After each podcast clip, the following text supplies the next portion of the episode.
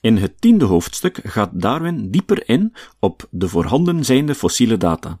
Ondanks de onvolledigheid ervan wijzen ze volgens hem toch op de juistheid van de evolutietheorie. Paleontologen zoals Richard Owen tonen aan dat uitgestorven diersoorten blijkbaar tussen bestaande groepen inpassen.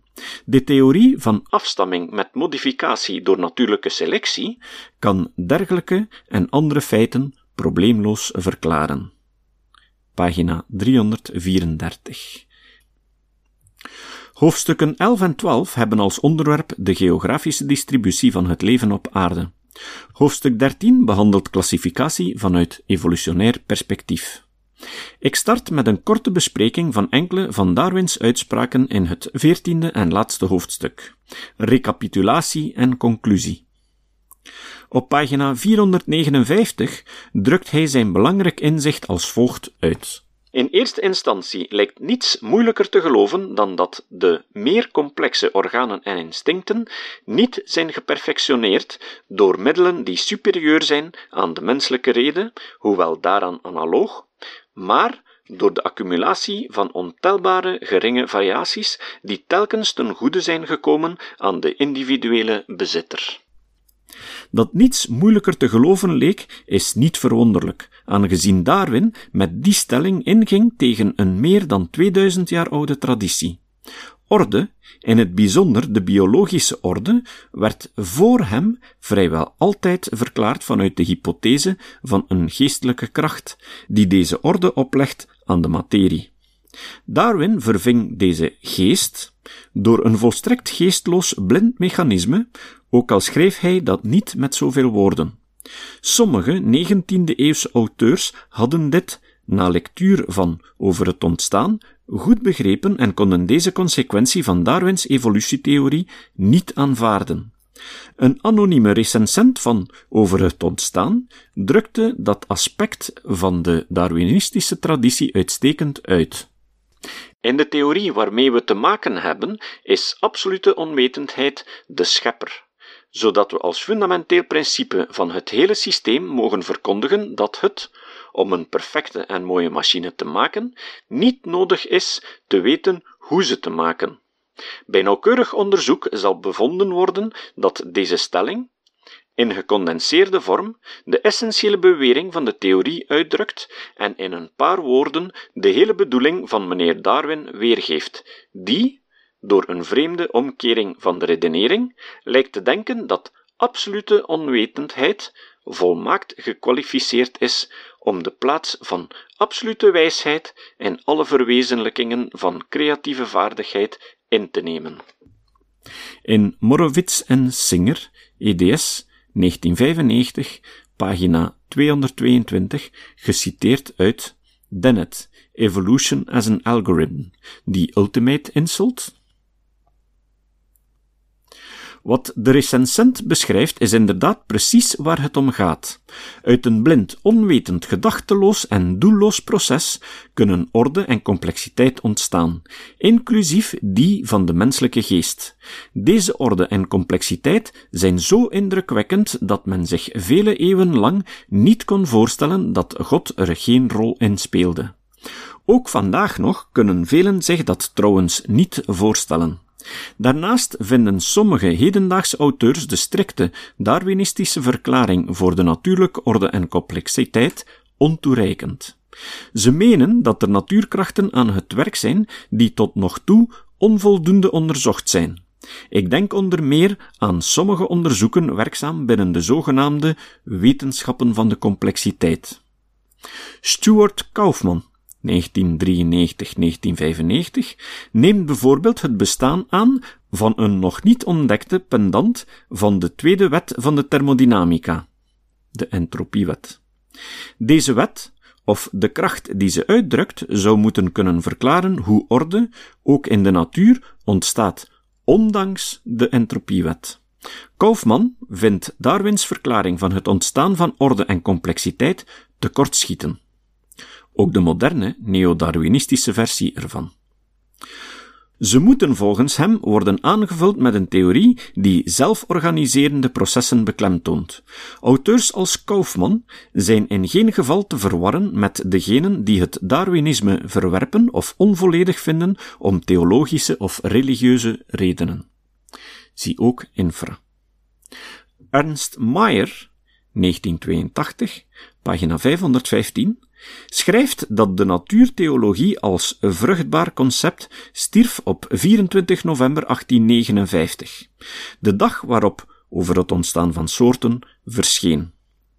Ik ben het volmaakt met hem eens. Dat neemt evenwel niet weg dat het natuurtheologisch ontwerpdenken vandaag nog altijd sterk aanwezig is. Niet zozeer in de biologie, maar wel in de kosmologie. Ter illustratie een citaat uit Serious Talk, Science and Religion in Dialogue, een recent werk van John Polkinghorne, een theoretisch fysicus en Anglikaans priester. Ons universum begon heel eenvoudig, 15 miljard jaar geleden. Het was dan slechts een uniforme uitdijende bal energie. Vandaag is het rijkelijk gevarieerd, boeiende en complexe gevolgen zoals jij en ik bevattend. Het verhaal van de kosmische evolutie is er een van een verbazingwekkende vruchtbaarheid.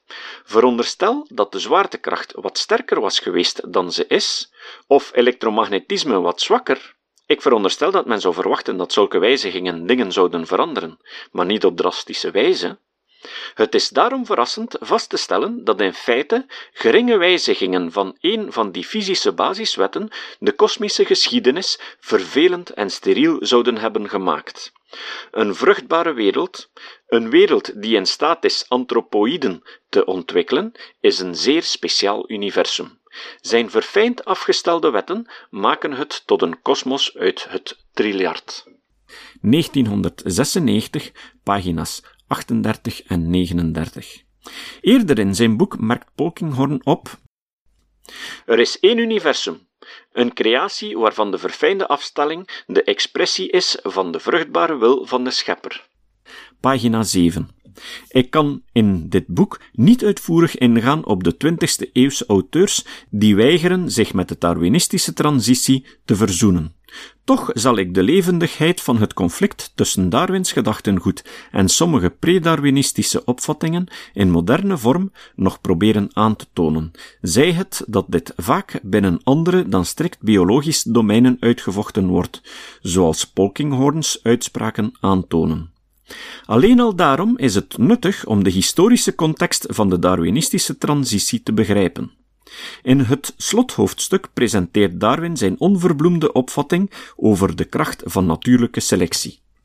Ik kan geen limiet zien voor die kracht, bij het traag en prachtig aanpassen van iedere vorm aan de meest complexe relaties van het leven. Pagina 469. Deze uitspraak is op twee aan elkaar verwante manieren interpreteerbaar. Voor eerst zet Darwin zich af tegen de natuurtheologische opvatting dat alleen God de natuurlijke orde tot stand kan brengen. Hij kon verwachten dat sommige lezers de kracht van natuurlijke selectie ten dele zouden erkennen, maar zich voor bepaalde fenomenen toch nog op God zouden beroepen. Voorbeelden daarvan zijn extreem geperfectioneerde organen, zoals het oog, indrukwekkende instincten, zoals die van bijen, die, alsof ze architecten zijn, perfect geometrische honinggraten bouwen, sublieme adaptaties zoals de vorm van de orchideeën en de manier waarop insecten ze bevruchten, mentale eigenschappen zoals bewustzijn, de oorsprong van het leven. Het bestaan van mentale eigenschappen gold van oudsher als een sterk bewijs van het bestaan van een supergeest, namelijk God. Uit materie kan geen geest ontstaan, luidde de gedachte. Dus werd geest door een geest aan materie opgelegd. Enkele van de belangrijke auteurs voor Darwin die twijfelden aan de juistheid hiervan waren onder meer de evolutionist Lamarck, de materialist Julien Offray de Lemetrie, de empirist David Hume en de Franse verlichtingsfilosoof Denis Diderot.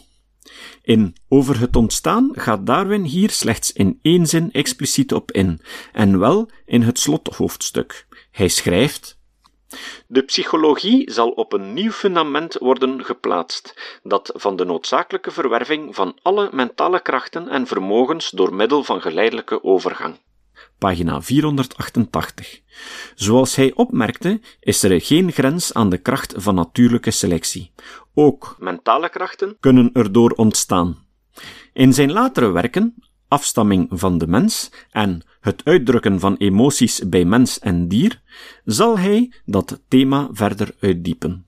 Zoals ik reeds eerder aanstipte, is Darwin niet alleen in Over het ontstaan, maar in heel zijn verzameld werk en in zijn briefwisseling eerder kort over de problematiek van het ontstaan van het leven. Hij schrijft in algemene bewoordingen over het probleem, bijvoorbeeld dat waarschijnlijk alle organische wezens die ooit op deze aarde hebben geleefd, afstammen van één bepaalde patrimoniale vorm waarin voor het eerst leven was geblazen. Pagina 484. Op andere plaatsen benadrukt hij onze totale onwetendheid over de oorsprong van de eerste levensvorm of vormen. Het is evenwel duidelijk dat hij veronderstelde dat ook voor dit probleem geen hemelhaken of niet-materialistische en niet-mechanische oorzaken moeten worden bedacht. Steeds op zoek naar feiten begreep hij dat het vraagstuk van de oorsprong van het leven en bij gevolg van de aard van het leven geen oplossing kon vinden in zijn tijd wegens een gebrek aan feiten. Dit in tegenstelling tot de vraag naar de oorsprong van soorten.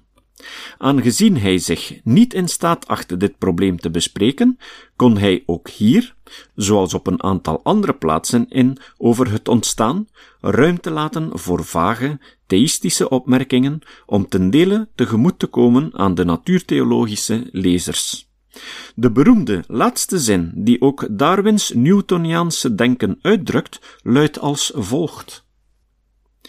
Er is grandeur in deze visie op het leven, met zijn verschillende krachten die oorspronkelijk zijn ingeblazen in een paar vormen of in één vorm alleen, en in de visie dat, terwijl deze planeet is blijven rondcirkelen volgens de vaste wet van de zwaartekracht, er uit zo'n eenvoudig begin een eindeloze reeks vormen, prachtig, mooi en schitterend, zijn geëvolueerd en onophoudelijk evolueren pagina 490.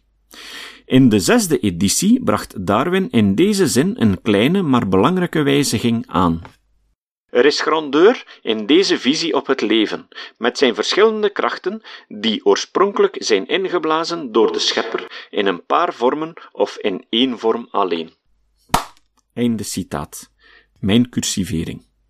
Critici, die hem van atheïsme beschuldigden, werden hiermee de mond gesnoerd. Ook dient opgemerkt te worden dat Darwin in verband met de problematiek van het ontstaan van het leven niet verwijst naar spontane generatie. De opvatting dat levende organismen zich spontaan kunnen ontwikkelen uit niet-levende voorwerpen. Andere, strikt materialistische auteurs voor hem, bijvoorbeeld Lamarck, deden dat wel. Het geloof in spontane generatie ontstond ten dele als reactie op de vitalistische of uitgesproken theologische opvattingen over de oorsprong van het leven. Darwin wilde niet alleen vermijden zijn gelovige lezers onnodig voor het hoofd te stoten, maar na de eerste editie van Over het ontstaan had hij ook een wetenschappelijke reden om spontane generatie niet te vermelden. Hij kende namelijk het werk van Louis Pasteur, die in 1862 definitief had aangetoond dat spontane generatie niet voorkomt in de natuur. In een fles die steriel was gemaakt en nauwgezet steriel werd gehouden, plaatste Pasteur een kweekbodem waarop zich normaal gezien micro-organismen ontwikkelen. Er ontstond geen leven in de fles, waaruit Pasteur terecht concludeerde dat spontane generatie niet bestaat. Niettemin luidt de huidige visie dat het fenomeen zich, in zekere zin, vermoedelijk één keer heeft voorgedaan, waarna uit die eerste levensvorm de volledige verscheidenheid van het leven op aarde volgens Darwinistische principes evolueerde. Overigens schreef Darwin al in de eerste editie van Over het ontstaan dat zijn natuuropvatting een meer verheven beeld van de schepper inhield dan de klassieke creationistische visie, iets wat een positieve indruk maakte op natuurtheologen als Asa Gray.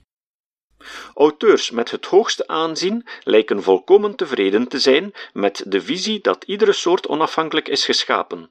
Voor mijn verstand is het beter in overeenstemming te brengen met hetgeen wij weten van de wetten die de schepper de materie heeft ingeprent, dat de productie en de extinctie van de vroegere en de tegenwoordige bewoners van de wereld zouden dienen te worden geweten aan secundaire oorzaken. Wanneer ik alle wezens niet als bijzondere schepping beschouw, maar als de afstammelingen in de rechte lijn van slechts een paar wezens die hebben geleefd lang voordat de eerste laag van het Silurische systeem werd afgezet, dan lijken ze in mijn ogen te zijn geadeld. Pagina 488-489 Hoewel het mogelijk is dat Darwin hier letterlijk meende wat hij schreef, neem ik toch aan samen met Pieter Bowler en anderen, dat dergelijke uitspraken de pil moesten vergulden. We kunnen Darwins hierboven geciteerde uitspraak over de kracht van natuurlijke selectie ook op een tweede manier interpreteren. Ze verwijst namelijk ook naar het idealistisch gedachtegoed in de biologie, met name in de morfologie, die ik in hoofdstuk 2 uiteenzette. De meeste auteurs namen aan dat de bouwplannen of archetypen van organismen en soorten onveranderlijk zijn, tenzij alle onderdelen van het bouwplan in één keer zouden veranderen. Darwin nam aan dat evolutie gradueel verloopt, zodat een plotse verandering van de bouwplannen onmogelijk is. Hij stelde dan ook dat zogenaamde bouwplannen geleidelijk moesten zijn ontstaan, in tegenstelling tot zijn latere idealistische critici, waaronder Owen, zag Darwin met andere woorden ook voor de morfologie geen grens aan de mogelijkheden van natuurlijke selectie. Dat betekent nog niet dat hij meende dat selectie alles kan teweegbrengen, zoals blijkt uit zijn debat hierover met Alfred Russel Wallace. Zie infra. Een laatste bemerking over het slothoofdstuk. Darwin doet hierin ook zijn bekende uitspraak dat er licht zal worden geworpen op het ontstaan van de mens en zijn geschiedenis. Pagina 488. Het is een vaak gehoorde opmerking dat dit de enige regel is in over het ontstaan van soorten waarin Darwin zich uitlaat over de mens. Dat klopt niet helemaal. Eerder in zijn boek wijst hij erop dat de verschillen tussen de menselijke rassen misschien hun verklaring vinden in het mechanisme van seksuele selectie, pagina 199. En in het hoofdstuk over klassificatie vestigt hij de aandacht op de morfologische gelijkenissen tussen de hand van de mens gevormd om iets te grijpen en die van de mol om te graven, het been van het paard, de zwempoot van de bruinvis en de vleugel van de vleermuis. Pagina 434. Niettemin is het juist dat hij in Over het ontstaan zijn evolutietheorie niet expliciet op de mens toepast, ook al maakt hij duidelijk dat hij voor onze soort geen uitzondering wil maken.